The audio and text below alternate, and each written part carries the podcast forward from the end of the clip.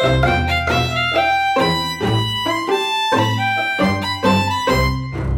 gjør du om du akkurat har eh, truffet eh, Mr. Right på fest, men samtidig så dukker det opp en annen Mr. Right på Tinder? Og eh, Thomas, etter litt chatting, så, så ber han meg på en date på torsdag.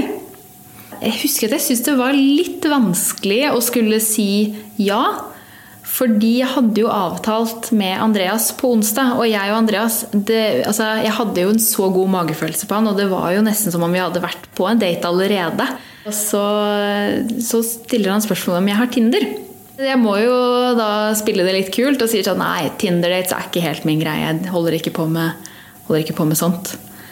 Eh, så tar han en liten kunstpause, og så sier han å ja, kult, for jeg bor med Thomas.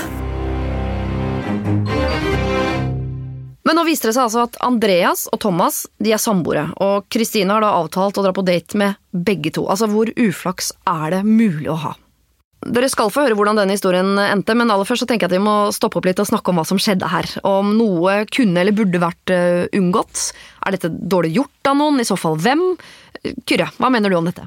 Jeg syns Kristine har opptrådt helt greit.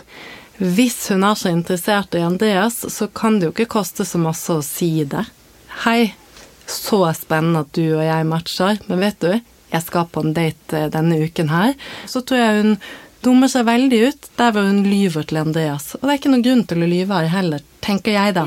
tenker at det er lov, og at det er helt greit å, å på en måte dobbeltdate i en startfase. Podkasten er for VG abonnenter, og du finner den i podkastfanen i VG-appen eller på vg.no datinghelvete.